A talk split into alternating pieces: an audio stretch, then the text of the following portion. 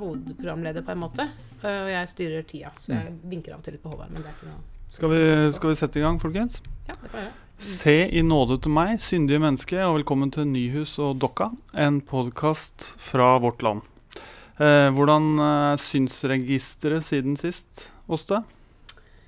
Ja, Det er jo som det pleier, det er jo alltid mye der. Men en ting som har slått meg i det siste, det er at eh, jeg er vokst opp i en familie eh, og en kultur hvor banning, det drev vi ikke med. Det er vulgært og ukristelig. Og bare teit, egentlig. Det vitner om et dårlig ordforråd. Så jeg har aldri banna noe i det hele tatt. Det har bare aldri kommet inn i mitt ordforråd. Men i det siste så har jeg begynt å banne inni meg. Ja. Og nå lurer jeg på om det er i ferd med å liksom At det kanskje Det er jo sikkert siste etappe før, Siste etappe før det faktisk kommer ut. kommer ut, så ja. jeg er bekymra for lysten til onde i mitt hjerte. Ja. og da må jeg spørre dagens gjest, eh, som er Jonas Gahr Støre. Em, jeg skal ikke be om en synsforlatelse fra deg. Synsbekjennelse, Eller kanskje? synsbekjennelse. Er eh, forlatelsen er jo opp til meg. Men er det et begrep som er, fremdeles er liv laga? Synd. Ja, synd. Ja, men jeg tror det trengs uh, forklaring og uh, hva skal jeg si, uh, alminneliggjøring av hva det er. Jeg tror det kan være en veldig viktig dimensjon i menneskers liv. fordi at det, jeg tror det er tilstedeværende og godt beskrevet psykologisk og kulturelt om hva det vil si å være menneske. Ting du angrer på, ting du er urolig for, uh, hva konsekvensen er. Men det er liksom bakt inn i et sånt helvetesbilde hos mange til at man liksom syns snakker man ikke om. Men jeg uh, tror jeg gjennom livet er kommet til at uh, det er en veldig spennende side av det å være menneske, og reflektere rundt. Og det kan man også gjøre selv om man ikke er forankret innenfor en kristen teologisk forståelse. Jeg merker ofte at uh, når man debatterer hva som er lov og ikke lov, og hva som bare er utilrådelig og ikke utilrådelig, at vi, at vi kanskje mangler noe i det norske språket. Og det vil jeg nok uh, knytta til at eh, ordet synd har på en måte blitt skjøvet litt ut og vekk. Vi har mista et verdifullt ord som, som, setter, eh, som setter ord på det som ikke er bra, men likevel fullt lovlig, sånn rent juridisk. Ja, men hva, hva med etikkbegrepet? Vil ikke det også hjelpe deg, da? Jo, det hjelper meg, men jeg, jeg tror likevel, eh, som eh, Jonas er inne på her, altså at dette er et rikt ord med, med masse sjatteringer. Men det er jo etter min mening viktig, da, eh, fra min tid i yrkeslivet, og særlig tid som utenriksminister og Røde Kors-generalsekretær, at det er jo en direkte kobling mellom ordet synd og tilgivelse. Ja. Og det er jo et stort tema. Fordi at hvordan skal mennesker komme videre etter små og store krenkelser og uhyrlige ting? Eh, og uten at, det er en, at, uten at vi har et reflektert forhold, både etisk og filosofisk, men også veldig praktisk til tilgivelse, så er det fryktelig mye som er vanskelig. Og det er Der skiller det lag med umoral, f.eks., som ikke den samme, har den samme bakdøra inn til tilgivelse som synd har. Absolutt. Mm. Men jeg syns jo det at eh, hvis Åste vil banne, så kan det hende at hun får eh, tilgivelse om hun lar det komme ut òg. Ja. Jeg har gjort det mange ganger, jeg også. Det går Jeg helt fint. Ingenting som, ingenting som deiser i hodet på deg. Det er klart. Um, vi hadde For et par-tre uker siden så hadde vi eh, besøk av Erik Lunde i denne podkasten her. Og han uttrykte en viss skuffelse over deg, Jonas. Han hadde alltid eh, sett opp til deg og den standarden du holdt i den politiske samtalen, hvor han oppfattet at du alltid var eh, perspektivrik, nyansert og holdt på tvisynet. Men nå mente han å fornemme en endring i stilen din.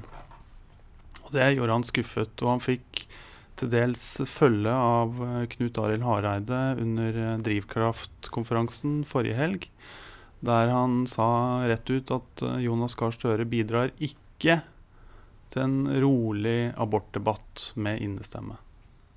Nå parafraserer jeg. Ja. Er det, var, dette, var dette kritikk du merket deg? ja, det var det. For det syns jeg man skal gjøre. Og begge de to personene har jo jeg alltid hatt respekt for. og Jeg kjenner Hareide bedre enn Lunde, men jeg har lest Lunde og, og fulgt med på han. Syns det er spennende å følge med på han som et tenkende menneske. Uh, og da For å begynne i den fromme enden, da, så vil jeg jo si at uh, ja, det kan hende at jeg har sagt ting som jeg burde tatt eh, litt, eh, litt roligere vendinger på. Eh, jeg tror jeg brukte ypperste prest om Mhm. Kjell Inger Ropstad. Men, men altså, jeg kan ikke stå og høre en politisk kollega, og i det tilfellet da en på den andre siden som har valgt en annen side, stå og si da klarer du ett barn, så klarer du to, uten å si at det reagerer jeg på. Og så ble det et spontant ord. Men hvis jeg ble bedt om å kommentere det ordet, så ville jeg sagt at jeg, jeg, liker ikke merkelapper. Det burde jeg ikke sagt. Men uh, utover det så vil jeg jo si at uh, det både Hareide og Lunde må forsone seg med, uh, de er, og de er skuffet over det valget, det er at KrF har tatt et veivalg. De valgte regjering, de valgte å gå i regjering med Frp, som de lovet velgerne ikke å gjøre. De går sammen med ytre høyre og legitimerer det i norsk politikk. Det mener jeg er alvorlig. En av grunnene til at jeg var begeistret for Hareides invitasjon, var jo det at vi kunne få en sentrum sosialdemokratisk kraft mot det ytre høyre. Det er jeg i opposisjon til. Og på noen fronter så skal det være tydelig. Eh, men jeg er full tilhenger fortsatt av at vi kan diskutere vanskelige spørsmål som også er av de jeg vet de to politikerne er opptatt av, knyttet til etiske avveininger, eh, hvor vi må kunne se og ha et mangesyn på det. Det skal jeg bidra til. Og jeg er den samme som før. Det kan de være trygge på, begge to. Ja, ok. Fordi, fordi, Erik Lunde spekulerte vel i at dette var en slags rebranding av Jonas Gahr Støre som en mer tydelig og um, Tabloid. Tabloid ja. versjon som da lettere har utsikt til å vinne valg, da. Nei, men, men, men, det kan jeg bare avkrefte, for at jeg er for gammel til å drive med, med rebranding. Men nå har vi 40 minutter foran oss i en podkast og kan ha gode samtaler. Jeg syns jo fortsatt det er veldig spesielt og krevende å være i de veldig, veldig, veldig trange flatene vi er i. Mm. Når får du snakket om ting? Hvilke ting er det? Hva er det du blir konfrontert med av mediene? Hva er det de ønsker å bore i? Hva er det tabloidene, hva er det VG vil ha ut av det? Det er veldig eh, små ting i de store sammenhengene. Og det skal jeg ærlig si at jeg syns det er en krevende del av å være på toppolitikken, at du blir trukket veldig mot det. Eh, men eh, jeg tror ikke egentlig på rebranding eh, som, som konsept da, innenfor politikken, for det er nødt til å være hvis, hvis, det ikke er ekte vare, vare, der pleier jeg å bruke et begrep som jeg tror dere kjenner igjen, at du må ikke tuk tukle med skaperverket. Prøver du å være en annen, så blir du stort sett en dårlig parodi av deg selv. Det, dette er jo ikke desto mindre to stykker som har puttet sin politiske kapital i potten og investert i at uh, du skal bli statsminister, og så, og så sier de at uh, du ikke lever opp til deg selv. Nei, og igjen, det tar jeg selvfølgelig på, uh, på alvor. Men jeg, jeg, bare vil jo minne om det at det veivalget de da gikk inn for, førte ikke fram. Det ble stemt ned. Og det kan man jo diskutere over. Var det godt nok forberedt? Hadde de brukt nok tid til å forberede sine egne til det? Det var jo ganske tett løp, dette her. Eh, men når valget så er tatt, og det beklaget jeg, så må jeg forholde meg til at vi har en flertallsregjering i Norge nå med et program hvor jeg mener at KrF ikke har rundet av det programmet. Det er et, det er et mørkere blått program for mer privatisering av velferd, for, for, veivalg som jeg er dypt uenig i. Eh, så jeg kommer ikke til å være utydelig på den uenigheten. Eh, det mener jeg jeg skylder ikke bare partiet jeg leder, men også det jeg tror på. Og, og jeg tror at både Lunde og Hareide ville fått mer gjennomslag gjennomført i et prosjekt med oss enn de har fått mm. der de er nå. Hvor de har fått noen innrømmelser og skal de være fornøyd med det, men de skal jo samtidig stå dag ut og dag inn uh, og forsvare og ta avstand fra eller legitimere uh, politikk som de ikke er enig i. Uh, det er det min jobb å være i opposisjon til, og det kommer jeg til å fortsette med. Mm. Jeg tenker, men jeg tenker at denne, denne dette uttalelsen om Ropstad som ypperste prest, og også noe av den skuffelsen som, eh, som Lunde snakker om, det er jo i, kommer i forbindelse med spørsmålet om abort og paragraf 2c. Eh, og hva slags type gjennomslag da KrF eh, kunne vente seg med Høyre. Eh, men hvis vi stiller det opp mot hva slags type gjennomslag KrF kunne ha venta seg Hvis det hadde gått eh, mot Arbeiderpartiet, tror du det hadde vært stor forskjell i, i den konkrete politiske liksom, uh, altså, hva, de hadde, hva, de hadde, fått gjennom hos men, dere. Men, men, la meg først si, den der kommentaren kom uh, da han hadde dette med at uh, klarer du én, så klarer du to. Mm. sagt av en mann. jeg mener det er, fortjener å bli konfrontert. Mm. Det ordet kunne man unnlatt å bruke. Og så vil jeg si at det jo da det kom i Hvem var det som satt abort på spissen? Hvem var det som satt i spill? Hvem var det som etter min mening trivialiserte et dypt alvorlig tema? Det var Kjell Ingolf Ropstad Olav Bollestad og Erna Solberg. De mm. la det i potten. Du har en historisk sjanse til å endre paragraf 2c. Eh, det ble budskapet. Jeg sa jo i all ærlighet da i midten av oktober at det kommer ikke Arbeiderpartiet til å åpne for. Det vi skal bidra til sammen, er å begrense antall uønskede svangerskap. Det er strategien for å få aborttall ned. Da de forslaget kom opp fra KrF og Senterpartiet for noen år siden, stemte Høyre og Frp det ned. Vi stemte for, og det vil jeg ha inn i en regjeringsplattform vi kan lage. Nå er det i denne regjeringsplattformen, men jeg mener de som på mange måter hva skal jeg si, vulgariserte og banaliserte det eh, krevende aborttemaet, var de politikerne. Mm. Det var ikke oss. Uh, og, og, vi var ærlige uh, på det. Og så viste seg jo det at det førte ikke fram. Uh, 2C, det ble, det, ble, ingen endring. Og da mener jeg at det, det, ytterligere setter i et grelt lys det som skjedde i oktober i fjor, hvor, hvor, det ble stilt som en helt klar åpning for at det kom de til å få. Ville de få mer med oss? Ja, det mener jeg. Mm. Mye av det som KrF har fått i den plattformen, kan jeg nikke til. Mm. Jeg syns det er bra. Men jeg tror at uh, i, mer i forhold til hvilken retning skal samfunnet gå, hvordan skal vi snakke med hverandre og til hverandre, apropos det vi snakker om nå. Norges rolle i det internasjonale, internasjonal solidaritet, måten vi omtaler annerledes på i samfunnet, ville blitt mer gjenkjennelig på tvers i et regjeringsprosjekt med oss enn det er med, med denne regjeringen med Frp. Hva tror du det kommer av at KrF altså Målet til KrF er jo åpenbart å få færre aborter. Uh, og det er vel målet til mange partier. altså Det er mange som er opptatt av at vi skal ha uh, færrest mulig uønskede svangerskap, og dermed færrest mulig aborter. Um, uh, hva tror du kommer av at de har satt inn støtet på selve abortloven, og ikke f.eks. på at det skal flyte av gratis kondomer overalt der hvor ungdom ferdes? Altså, hva, hvorfor er det denne vektleggingen av lovverket? Men nå oppfatter jeg at KrF har vært ganske progressive på å tilby gratis prevensjon. Det, det, overrasket meg litt da jeg var helseminister å se hvordan KrF var fremoverlent på det. For det var jo tross alt å anerkjenne at det er noe som fører til graviditet. Eh, og de på en måte tar det anerkjenner at det er et, et fenomen. Uh, men, men uh, Nei, altså Jeg opplevde jo at Knut Arild Hareide forsøkte å utvikle KrF på en måte slik at det ikke var abortpartiet. Mm. det har det på mange måter blitt nå. Det syns jeg er synd i forhold til veldig mye av det som er viktig uh, bidrag for KrF i, vår samfunnsdebatt. Aborttallene går ned. De har vært på vei ned. Og En grunn til at vi kan fortsette med det, er jo at du har et lavt konfliktnivå rundt den loven, og kraftfulle tiltak for å hindre uønskede svangerskap. Visjonen om å få ned det liksom med en tredjedel og så en halvpart er jo en svær visjon. Og Jeg mener det er mulig. Eh, at vi kan gjøre noe med det. Men, men det å tro at liksom aborttallene går ned ved å innskrenke uh, retten til abort, det er jo jeg uenig i.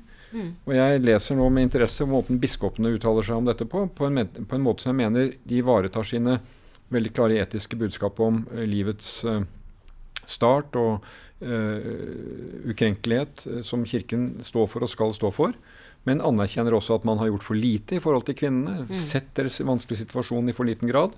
Eh, og det mener jeg er et veldig viktig bidrag i, den, i det kristne Norge. Hvis vi, hvis vi oppsummerer og sammenligner dag, abortdebatten denne vinteren med, med, en tilsvarende debatt ett år, for ett eller to år siden, har vi, har vi tapt noe på veien? Har, har, debatten blitt Har den falt i kvalitet? Ja, jeg mener den har det. Og det du kommer til å se nå, er jo da en, en, en veldig mobilisering rundt dette temaet, uh, som jeg tenkte at uh, den er ganske ekte den, den, den øh, Vi kunne vi, altså På mange måter er det bra at folk engasjerer seg, men vi kunne også unngått det ved å unngå å sette i spill noe som ikke førte frem, men som skapte en tvil og en usikkerhet om er dette nå øh, i spill. Og jeg, Et av de områdene hvor jeg er da uenig med Erik Lunde, og jeg har snakket med han om det, er dette begrepet sorteringssamfunnet som blir lansert.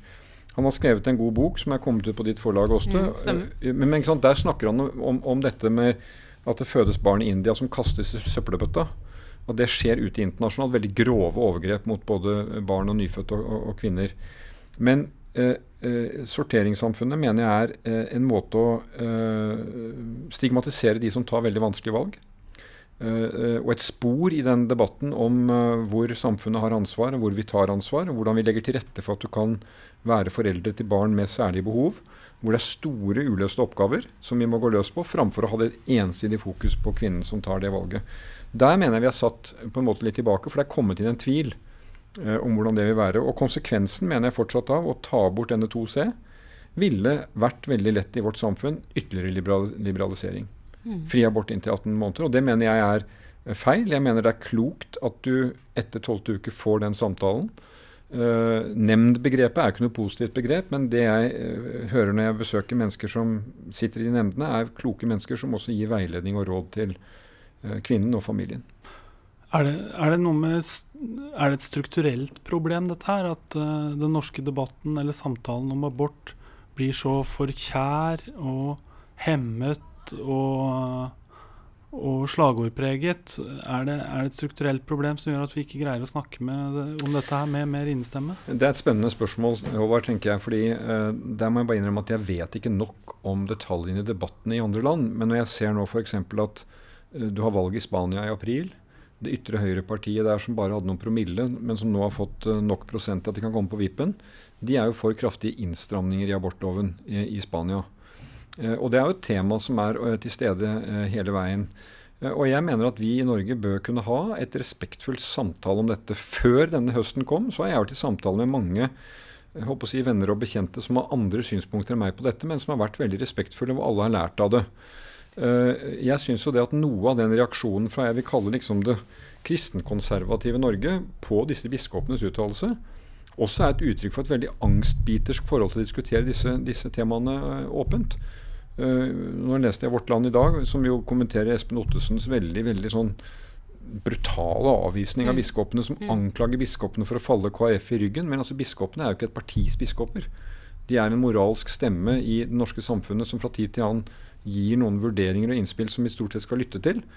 Så jeg vil, vil si at uh, veldig mye av det klimaet jeg, jeg møter fra liksom etablert kristent hold, det er at det er de som er tilhengere av dagens lov, som på en måte utfordrer og gjør debatten vanskelig. Men jeg syns noen og enhver kan se seg selv i speilet. Og jeg syns måten biskopene gjør det på, er uh, prisverdig. Har du et uh, ord for dagen hos deg? Jeg tenkte kanskje det. det. var på tide mm. å introdusere det. Du, Nå skal jeg rett og slett uh, for første gang på en stund velge noe fra Det gamle testamentet. og her er vi i, i Altså det er Israel. Der er det hungersnød og konflikt. Eh, og eh, på det Intet nytt der. Intet nytt der. Og dette er en tid hvor eh, religion og det offentlige og politikk er en stor saus. Så det er profetene som på en måte eh, er aktørene når det er eh, politiske konflikter. Eh, og da er det altså en konflikt mellom Elia, profeten Elia og Ahab. Og dette er en lang fortelling, men jeg skal bare lese et par vers. Um, fordi Elia han, eh, han, lager rett og slett en slags type eh, et veddemål mellom mm, Jave og Baal, altså avguden. Eh, og, men før han gjør det, så sier han Elia trådte fram for, folk, for hele folket og sa Hvor lenge vil dere halte til begge sider? Er Herren Gud, så følg ham. Og er Baal Gud, så følg ham. Men folket svarte ham ikke et ord. Hvordan det går, kan du lese videre i første kongebok, kapittel 18, hvis man er interessert. Ja, Du Må hjelpe oss å tolke dette her. Ja, altså, det og dette kaster lys over tvisynet. Jo, altså det er noe med at uh, for Elias så er det et helt tydelig valg. Enten må du velge avguden, mm. det som er feil. Da, det, da, fortsetter krisen. Da er det hungersnød. Uh, eller så må du velge den rette gud. Uh, og det fins ikke noen mellomposisjon. ingen nyanser det er ingen her. Nyanser, og det morsomme er jo at folket ikke svarer. De er tause ved dette budskapet. Ja, for de vil holde seg inne med begge muligheter. Ja. Ja. ja. ja. Det er, men dette er jo da en, det er en kritikk av tvisynet, det her om noe? Ja, dette er jo eh, de klare, tydelige valgs eh, ja. mm. eh, retorikk. Hvor det er én ting som er rett, og én ting som er feil. Eh, og alt som ligger imellom. Altså det, det, å se til to sider vil være å halte til begge sider. Det er et rike i strid med seg selv, som det heter i Nytestamentet. Så spørsmålet er er det mulig og ha flere perspektiver samtidig. Ja, ja, hvordan er det hvis du skal vinne et valg, eh, Jonas? Da må du jo gå all in. Ja, det var lang linje fra dette rett til, til å vinne et valg. Eh, ja, du må gå all in, men, men jeg tror jo det at eh, du må ha eh, et prosjekt som du ønsker å forfølge om du vinner. Eh, stå for noen verdier som folk kjenner igjen, og ta opp saker som er nære folk i livet, uh, som de kjenner igjen. Så Det er en sammensatt uh, pakke som du går all in på. Men, men altså svart-hvitt-metaforen er jo uh, en utfordring ja, som jeg har vært opptatt av helt siden jeg begynte å tenke på politikk også, i forhold til den totalitære fristelsen. gi meg liksom renselse og det klare svaret, så jeg slipper motsetningene. Eh, og det er jo det strevsomme å være menneske, at det er fullt fylt av motsetninger. Uh, og eh, jeg vil jo si at vi er en del av verden, en del av den politiske kulturen i verden som fortsatt lever med motsetninger og tåler det. avviser totalitære fristelser, men de er der hele tiden. Disse fristelsene er jo der. De kan sikkert finne et religiøst språk gjennom Bibelen som har mye klokskap gjennom en lang, lang fortelling, men vi kjenner dem igjen i vårt eget samfunn. Uh, og i, oss selv kunne det bare være slik at dette var helt uh, entydig. Og jeg tror, tilbake til det vi snakket om tidligere, at jeg er ikke redd for å egentlig anerkjenne at det er tvil, og at det er to sider. Men du kan aldri heller la det bli fullstendig handlingslammelse. Det er jo noe av det at hvis du har et lederansvar, så må du på en måte oppsummere det, og så må vi velge. Ja, det er som når barna spør sånn Vil du ha en skive, eller vil du ikke ha en skive? Og da kan ikke svaret være kanskje. De må faktisk velge det ene eller det andre. Selv om det kan være tvil underveis til valget, så er det enten ja eller nei. Ja, men det er, det er jo et sånn materielt valg som jo stemmer med om du er sulten eller ikke. Men det er jo noen sånne livsvalg og politiske avveininger. Uh, altså jeg, jeg satt i en diskusjon før dere kom og diskuterte sykehus i Oslo, som er et stort tema. Kan vi få uh, sykehus både på Aker, Ullevål, Gaustad og Radiumhospitalet bare fortsette? Eller må vi faktisk velge mellom noe av det? Vanskelig valg. Uh, og det er jo veldig mye som stritter imot å, å, velge noe som handler om å frasi noe fra seg. Uh, og løfter du det til et, det andre store og det dominerende temaet vi står overfor, klima, hvilke valg vi må ta da, uh, det kommer ikke til å bli ja takk, begge deler. Det kommer til å være noe vi må velge bort. Mm. Med håp om at vi får noe igjen, uten å vite det. Det er jo enda vanskeligere avtale, da. Du kan i noen politiske sammenhenger si velger du dette, så får du det. Men, men, i forhold til dette store spørsmålet som handler om en stor omstilling i samfunnet, så er du heller ikke sikker på hva du får i retur. Desto vanskeligere. Mm, og det er jo, uh, Politikere er ofte flinke til å snakke om hva de vil prioritere opp, men det er jo sjelden snakk om hva man vil prioritere ned. Ja. Ja, altså Det er noen tap som ligger i alle politiske avgjørelser. Og det er jo ikke noe Nei, det er riktig. Og noen ganger er det sånn, og, og den kritikken er, er, i og for seg legitim, men, men ofte er det litt annerledes. For at du handler jo også om det at du har jo også muligheten til å bake en kake større. Du må ikke alltid kutte for å få noe, men du kan på en måte gå i nye retninger som skaper ny energi, nye muligheter. Og jeg tror f.eks. på det, eh, apropos sorteringssamfunn, at eh, min bevegelses politiske arbeid har jo vært å hindre at folk blir sortert bort i livet. Fordi de kommer fra fattige kår, ikke har kunnskap, ikke har tilgang til helse, får ikke utnyttet sitt menneskeverd. Det har vi kjempet mot. Eh, at du skal ha rett til barnehageplass, du skal ha rett til uh, det som gjør at du kan ta dine muligheter i bruk. Det er jo ikke en utgift, det er jo å investere i mennesker. Det blir, det blir mer igjen. Og jeg tror liksom dette gamle bildet om at det har aldri vært en bortkastet investering i kunnskap. Fordi du kan da Da kan kaken bli større, da. Jeg tenkte jeg skulle skifte tema litt. Jeg fant et sitat av Bjarte Ystebø som er eh, redaktør for Avisen Norge i dag, og også har tatt initiativ til Oslo Symposium, som arrangeres om et par-tre uker. Eh, sitatet går som følger. Arbeiderpartiet kjennetegnes av politikere som hver morgen står opp og tenker hva kan jeg gjøre i dag for å avkristne Norge? Dette er jo bare sludder og vås, selvfølgelig. Eh, men ikke desto mindre så er jo dette en fortelling og en forestilling om Arbeiderpartiet som har festet seg veldig mange steder. Har du noen uh, tanker om uh, grunn til det? Altså, eh, la meg begynne i andre enden. Altså, jeg tenker ofte på at er det mulig å kalle seg kristen og så si sånne ting? Men nå ble jeg ferdig med det. Jeg tenker sånn, for jeg syns det er så inkonsekvenst og fordømmende og kunnskapsløst. Og nå sier jeg ikke at jeg tar meg veldig nær av hva Bjarne Ystebø sier. Jeg har aldri blitt invitert til Oslo Symposium. Uh, hadde jeg gjort det, så skulle jeg gjerne kommet og Bjarte Ystebø, bare for ordens skyld. Ja, uh, men jeg kjenner han ikke, så jeg, jeg vet ikke. Men, men, eh, når jeg har blitt invitert til andre kirkelige sammenhenger, om det er en frikirke, en statskirke eller Saronsdal, så er det en helt annen respekt og åpenhet man møter mennesker med. Jeg syns dette er en sånn forakt. Men la meg bare begynne med det. Dessuten så er det etter min mening da feil. Ja, arbeiderbevegelsen har kjempet mot makt som har holdt folk nede. Og jeg hadde en samtale som jeg tror dere har også referert til, med eh, biskopen i Børgvin eh, her for eh, eh noen uke, måneder siden. Halvor Nordhaug. Halvor Nordhaug, eh, Som jeg ble kjent med da han var studentprest i Europa. Jeg studerte i Paris. Og Da holdt han opp et bilde fra arbeiderbevegelsen oppe i Finnmark tidlig i dette århundret, som snakket om at de skulle liksom slå ned alteret og flagget og, og, og, maktsymboler som et eksempel på akkurat det. Riv korset av ditt flagg. Ja. ja. Men det virker jo opprørende i dag. Men går du tilbake til den tiden som var da, så kan du også forstå at dette var maktstrukturer som holdt folk nede. Det var jo ikke som, uh, som, som, norske biskoper sier i dag, men på den tiden så var også religion en del av makta, den harde makta. Uh, og den holdt arbeiderklassens folk nede i mange sammenhenger. Samtidig så var det på det tidspunktet at arbeiderklassen, frikirker, fant hverandre som folkelige bevegelser. Jeg talte ved 100-årsjubileet for Eidehavn utenfor Arendal. Da industriarbeiderne kom inn til Eidehavn og fylte det stedet, som het noe annet, det ble oppkalt etter Sam Eide, hvor var det de dro? Jo, det var til eh, kirken. Der var det de fant noen som tok imot dem, og de ble en bevegelse. Og hvor vi fant dette båndet mellom en nestekjærlighetsbevegelse og en solidaritetsbevegelse som hadde sammenfallende verdier. Så jeg vil jo si at i det store bildet, dette er et stort tema, så er det riktig at arbeiderbevegelsen har kjempet mot maktbruk gjennom kirke, symboler, boklig kunnskap ikke alle har. Men samtidig så er verdien om rettferdighet, solidaritet, likeverd, like muligheter veldig fellesbånd. Og i dag så er jo vi opptatt av, selv eh, av mine partifeller som er ikke-troende, opptatt av kirkens plass i samfunnet, institusjonenes plass, livssyn og mangfold. Og Det bringer oss i dagens politikk, hvor jeg mener at eh, Ropstad bør gjøre som vi gjorde, søke bredt flertall i Stortinget om ny livssynslov.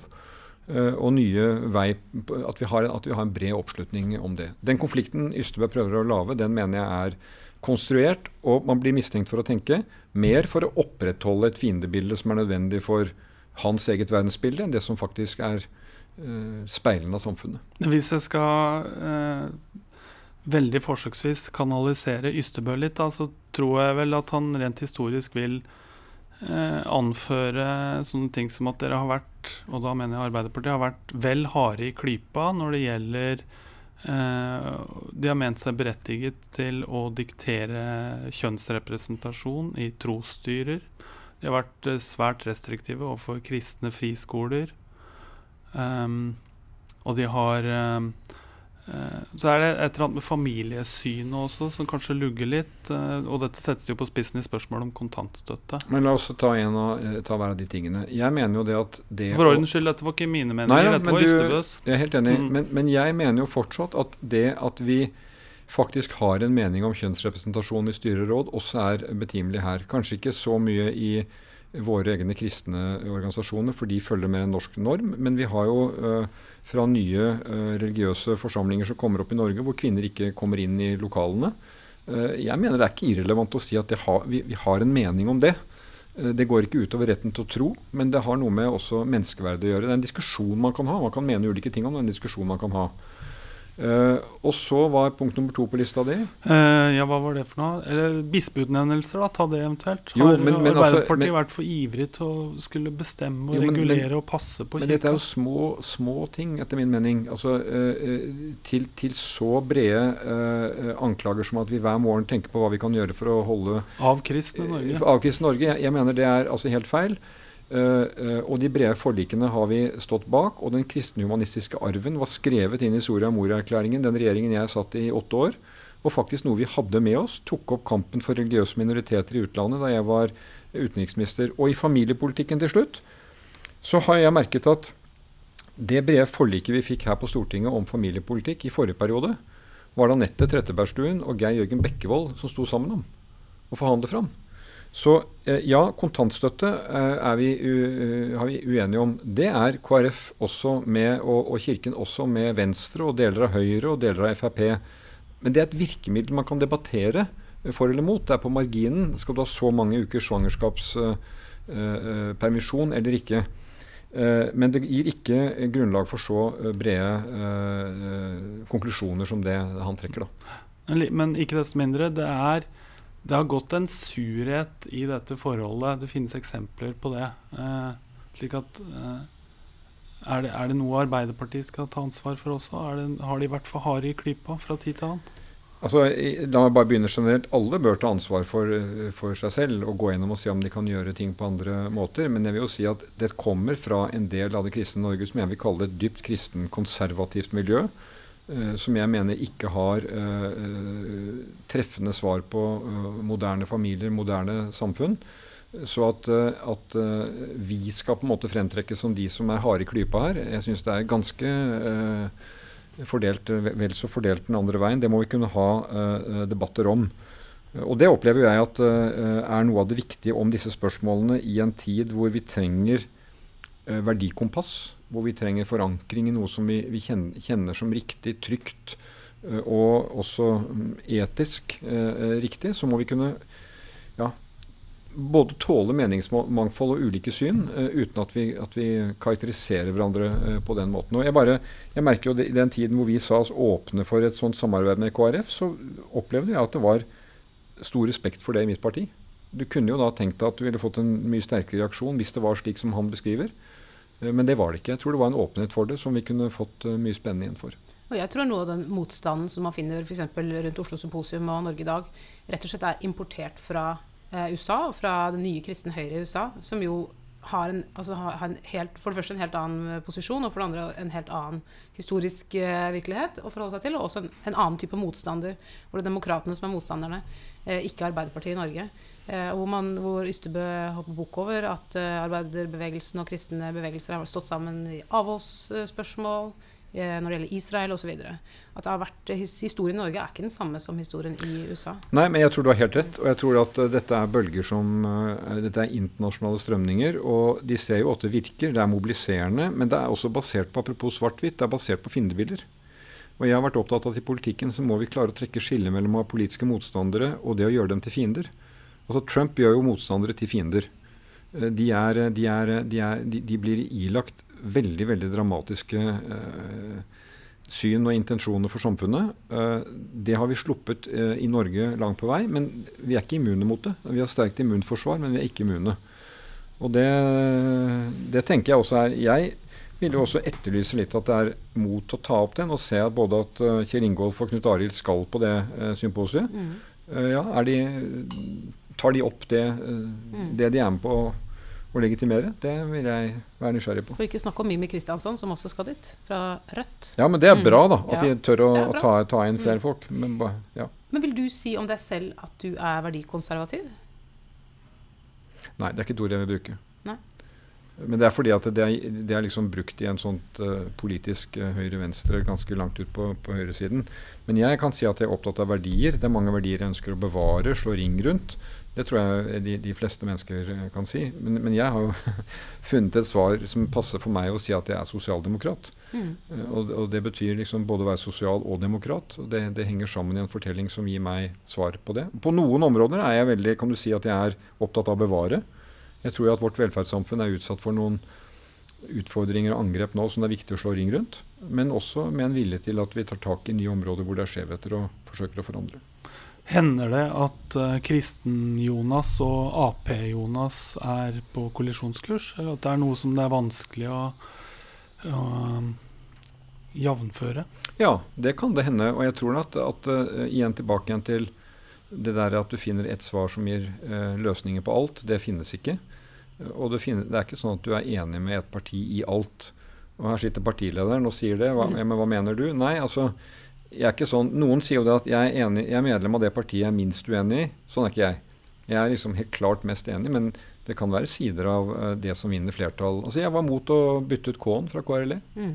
Jeg gikk på talerstolen og sa jeg syntes det var en dårlig idé. Mm. Stemte ned. Mm. Det har ikke voldet meg søvnløse netter, for det endrer ikke noe innhold, tror jeg. Men det var jeg uenig i. I miljøspørsmålet, er det, er det noe med forvaltertanken i kristendommen som kan være på kollisjonskurs med eh, industrifremmingen som ligger i, i Arbeiderpartiets Ja, det, er, det, kan det være. Men dette er også et stort spørsmål hvor liksom du skal både bidra til arbeid, verdiskapning, penger vi kan bruke til å bekjempe miljøødeleggelser. Så det henger sammen i en stor økonomi. Eh, men jeg tror uavhengig av livssyn så er dette med hvordan vi tar vare på, da, kall det i denne samtalen skaperverket. Uh, det er et stort uh, ansvarlig spørsmål. Men nå kommer vi kanskje da fort over i debatten om at det at vi produserer gass, gjør at tyskerne kommer til å gå bort fra kull. Og totalt sett er det bra, eh, selv om det, det vi bidrar til og noe som forurenser. Så her er det gamle ordtaket om at alt henger sammen med alt, og du må vurdere det. Ja, eh, ja det minner meg for så vidt om at min eh, svigermor har bedt meg overbringe en hilsen, og det er at og hun er lokal arbeiderpartipolitiker i Førde.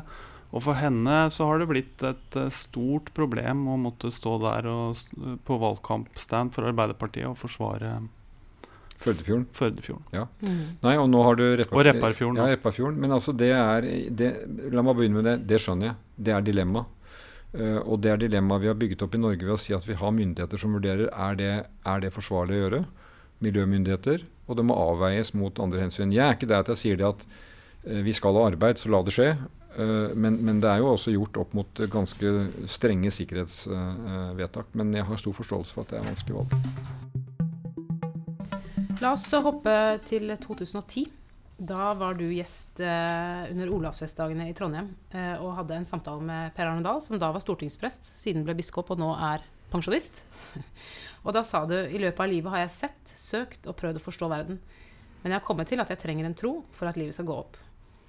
Eh, og jeg, sånn som jeg husker det Det er mulig at jeg husker feil, altså. Men så, så var det det punktet hvor du på en måte kom ut av skapet som kristen. Eh, mulig at du hadde vært ute av det skapet lenge, for alt jeg vet. Men, men det ble liksom en eh, Ja, noen hemmelighet var det vel ikke, men nei, den ble kanskje mer forståelse i eksplisitt. offentligheten av at Ja. eh, Jonas Gahr Støre er en kristen.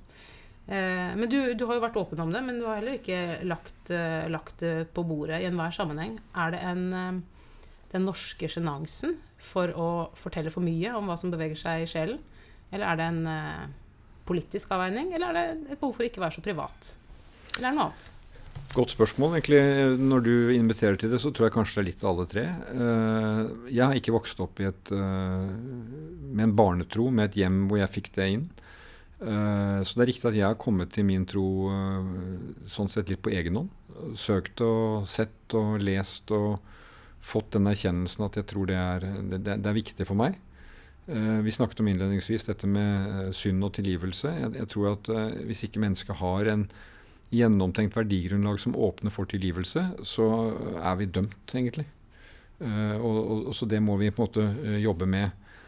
Eh, og så er det litt det at det er en sjenanse i det at dette er, kommer jo til noen av de, de dypeste og mest fundamentale etiske spørsmålene som, om det å være menneske.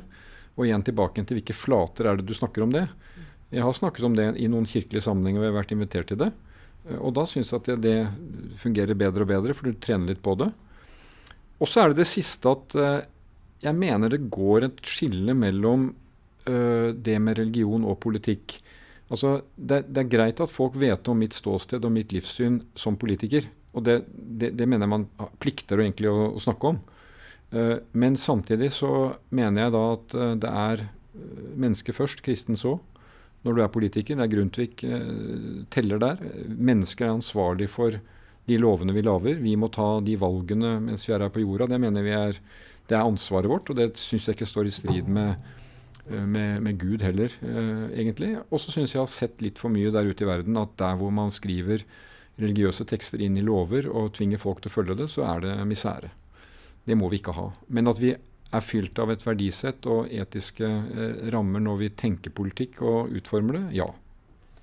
Er det noe som du hører av og til innad i Ap, eller eh, kjenner på en skepsis eh, hos dine kolleger i partiet? At, eh, at kristendom eller kirke det er greit nok på en armlengdes avstand, men, men at det kommer tett på, så er det fremmed? Nei, og jeg har jo sagt i noen sammenhenger at fordi vi er et parti med rundt 30 pluss av velgerne, så er vi kanskje det partiet med flest kristne velgere. Det er ikke usannsynlig at vi er det. Mm.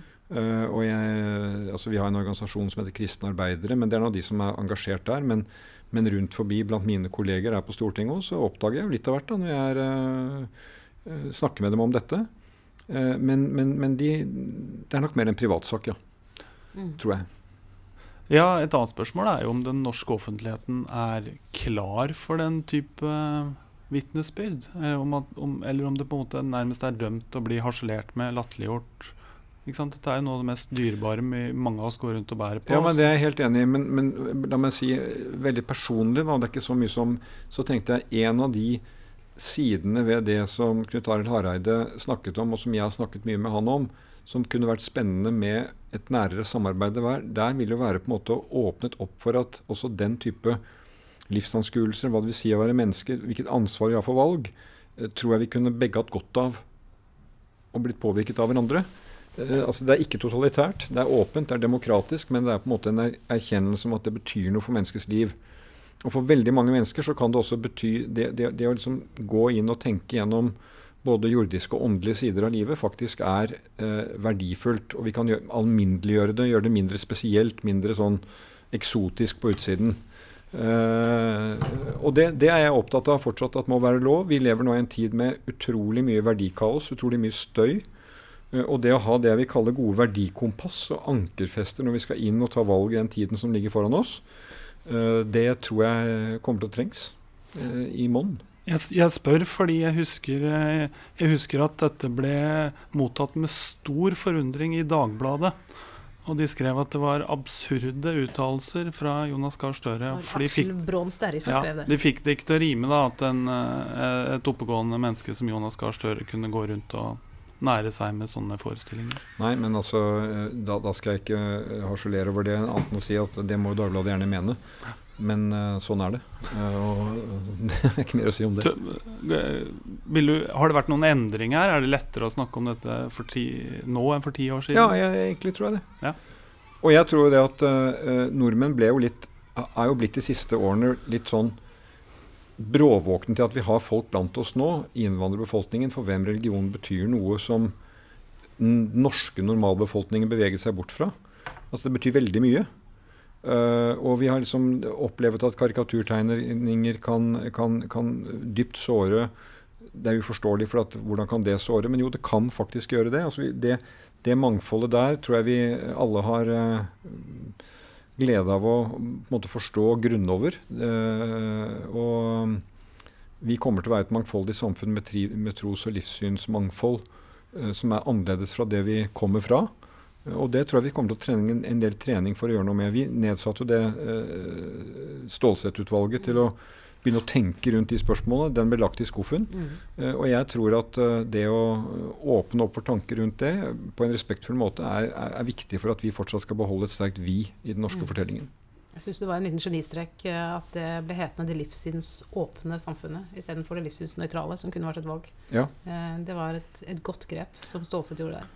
Eh, folkens, vi nærmer oss slutten. Eh, men vi har jo den siste spalten vår som heter Bordet fanger. Og her, Jonas, skal du se for deg et uh, middagsselskap, og så skal du bringe noe på banen som kan engasjere rundt bordet.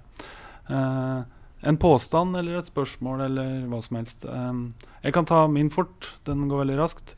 Eh, og vi har for så vidt vært inne på det òg. Det var mange som etterlyste mer innestemme i abortdebatten. Og så kommer bispemøtet med en uh, lavmælt, edruelig uttalelse nå på fredag. Og da sier de samme som etterlyste innestemme, så slår de helt koldbøtte og bærer seg og er helt hysteriske. Um, og går helt i turbo. Og det Så det er, der er det jo en himmelropende ironi, da, vil jeg bemerke. Og det, så får uh, folket rundt bordet eventuelt uh, Men hva du inviterer folk rundt bordet og mener ja. om, om, det? Hvor, er dere enige i at det var en uh, historisk ironi som uh, åpenbarte seg der? Samtalen ble fort ferdig, tror jeg. Ja, det var kanskje det. Går det an å snakke med innestemme om det å snakke med innestemme? er spørsmålet. Ja, det er spørsmålet. Mm. Det er en god ingress. Den kan ha en mulig kommentar. Ja, veldig bra.